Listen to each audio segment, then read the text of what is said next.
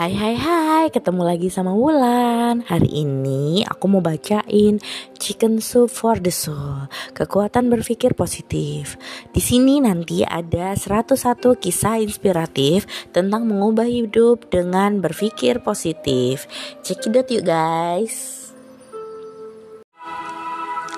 Bata demi bata. Mungkin aku sudah melenceng dari tujuanku semula, tetapi aku sudah sampai di tempatku ingin berada. Douglas Adams. Aku ini orang yang telat dewasa. Perlu waktu 38 tahun dan terkena depresi barulah kutemukan tujuan hidupku. Bagi kebanyakan orang, masuk rumah sakit karena suatu gangguan kejiwaan mungkin merupakan cara ekstrim untuk me menyadari makna hidup. Namun, sebagai insan kreatif, kami cenderung menulis di luar baris dan melukis di luar batas-batas. Yang kusampaikan kepada anak-anakku tentang periode gangguan ibu mereka adalah masa yang terburuk dalam hidupku, tetapi masa terbaik yang pernah menimpaku. Mungkin kamu jadi bertanya, bagaimana aku sampai berpikir bahwa dikurung di bangsal rumah sakit jiwa karena kelebihan dosis obat resep menjadi sesuatu yang terbaik yang menimpaku. Tidakkah ungkapan itu lebih merujuk pada pengalaman-pengalaman positif seperti menemukan cinta sejati, menjadi orang tua, atau memenangkan hadiah Nobel bisnis bidang sastra? Semua itu tentu merupakan hal-hal terbaik pula yang telah kualami. Ya, kecuali memenangkan hadiah Nobel bidang sastra karena aku belum memenangkannya dan aku mensyukuri setiap hari. Namun ternyata dari titik nadir yang kualami pada usia 38 tahun itu bagaikan anugerah bermunculan.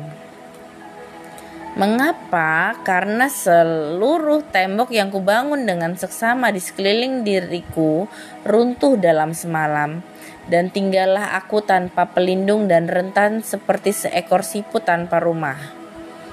Tidak lagi tersisa tempat untuk bersembunyi, tiada ruang yang nyaman untuk menyangkal, hanya ada aku, si siput tanpa rumah, di tempat yang tak akan pernah kuinginkan seumur hidupku.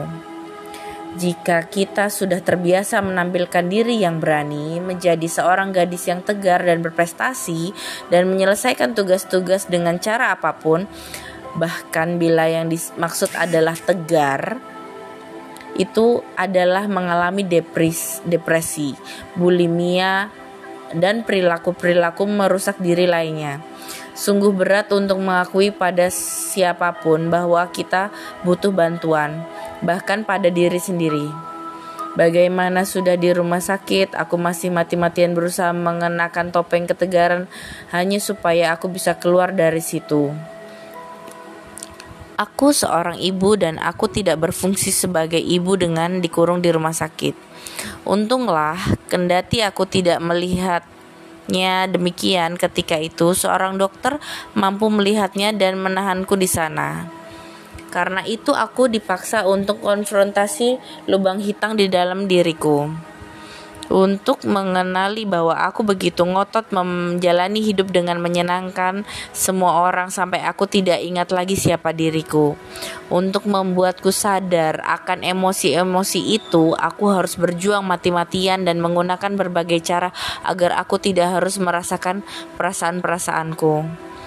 Menulis jurnal adalah bagian dari program itu. Menuliskan pikiran-pikiran, perasaan-perasaanku merupakan kunci menuju kemajuan yang lebih daripada pemulihan. Semua itu membuka pintu ingatan lamaku kembali bahwa suatu ketika dulu aku ingin menjadi penulis. Aku pernah dinasehati bahwa menjadi seorang penulis itu tidak praktis dan bahwa aku tidak pernah bisa mencari nafkah bila aku memiliki bidang bahasa Inggris, bahwa aku mestinya memilih bidang yang memberi peluang lebih besar untuk menghasilkan pekerjaan yang lebih produktif. Maka aku pun mendapat gelar MBA di kerjaan yang lebih produktif, bidang keuangan, dan memantas-mantaskan diriku agar aku diterima andal dalam pekerjaan, semua berkat sikapku yang menyenangkan. menjadi sang bintang, tetapi selalu saja sebagai penipu. Aku tidak cukup percaya diri untuk memperjuangkan apa yang kuyakini ketika itu. Namun dengan menjadi si manis yang menyenangkan semua orang, akhirnya aku menuju ke mana terkurung di sebuah bangsal rumah sakit jiwa. Ke sanalah ujungnya. Tak lama setelah itu, dalam sebuah program insentif rumah sakit rawat jalan, aku masuk dalam sebuah kelompok yang terdiri atas pasien berbagai usia. Untuk suatu latihan pemulihan, aku harus menulis sebuah urutan kejadian dalam hidupku dan menjelaskan kejadian-kejadian penting yang baik, yang buruk, yang traumatis di depan kelompokku. Panjang sekali rasanya karena kejadian itu banyak sekali. Aku khawatir orang-orang di kelompok itu sudah merasa bosan sebelum aku selesai. Namun, bahkan sebelum sampai ke masa kini, salah satu peserta kelompok yang masih muda berkomentar, "Wow," katanya, "banyak sekali yang Anda alami. Anda tegar.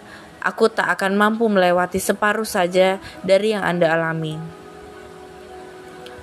Aku mulai melontarkan ucapan-ucapan yang mengutuk diri sendiri, tapi lalu aku memandang urutan kejadian dalam hidupku dan aku sadar bahwa untuk pertama kalinya aku sudah melewati begitu banyak hal. Mungkin terdengar sinting sebelum teman itu berkomentar, "Aku begitu sibuk menegakkan diri dan lebih jauh lagi." Masih saja mencoba meraih prestasi dan menjadi yang terbaik sehingga aku tak pernah berhenti mengakui seluruh tantangan yang sudah kelewati untuk sampai di tempatku ketika itu. Baiklah, Tempatku ketika itu adalah sebuah rumah sakit jiwa, tetapi aku masih hidup dan ketika itu aku mulai proses untuk mengubah kartu contekanku yang ada di dalam. Mengganti yang lemah dengan yang kuat, mengganti yang rusak dengan yang kreatif. Perlahan-lahan, tertatih-tatih, bata demi bata, kuhimpun kekuatanku. Di dalam prosesnya, aku memperhatikan setiap bata dan mengujinya apakah yang ini sehat untukku, apakah yang ini adalah bahan yang memang kupilih untuk membangun tembokku, ataukah milik orang lain. Melakukan semua itu telah menciptakan suatu landasan yang lebih kokoh bagi perempuan yang sekarang ini tak lain adalah diriku. Hal itu memberiku semangat menggapai impianku menjadi penulis di saat remaja dan mengurutkan kembali hidupku membuat sadar bahwa aku kaya akan kisah yang dapat kuceritakan. Seperti yang selalu kujadikan selorohan, Tuhan memberiku bakat, kemampuan untuk mengungkapkan diri lewat menulis. Lalu dia memberiku bahan-bahan tulisan yang melimpah setiap kali menerima sepucuk surat dari pembaca yang hidupnya terperici oleh inspirasi salah satu bukuku, aku bersyukur karena aku sudah bisa menemukan tujuan hidup pada saat yang paling menyengsarakan dalam hidupku. Tertanda Sarah Daryl Litman. Gimana gimana? Menarik kan untuk kita dari kekuatan cinta diri sendiri. Mari kita cintai diri sendiri dan nikmati kisah selanjutnya.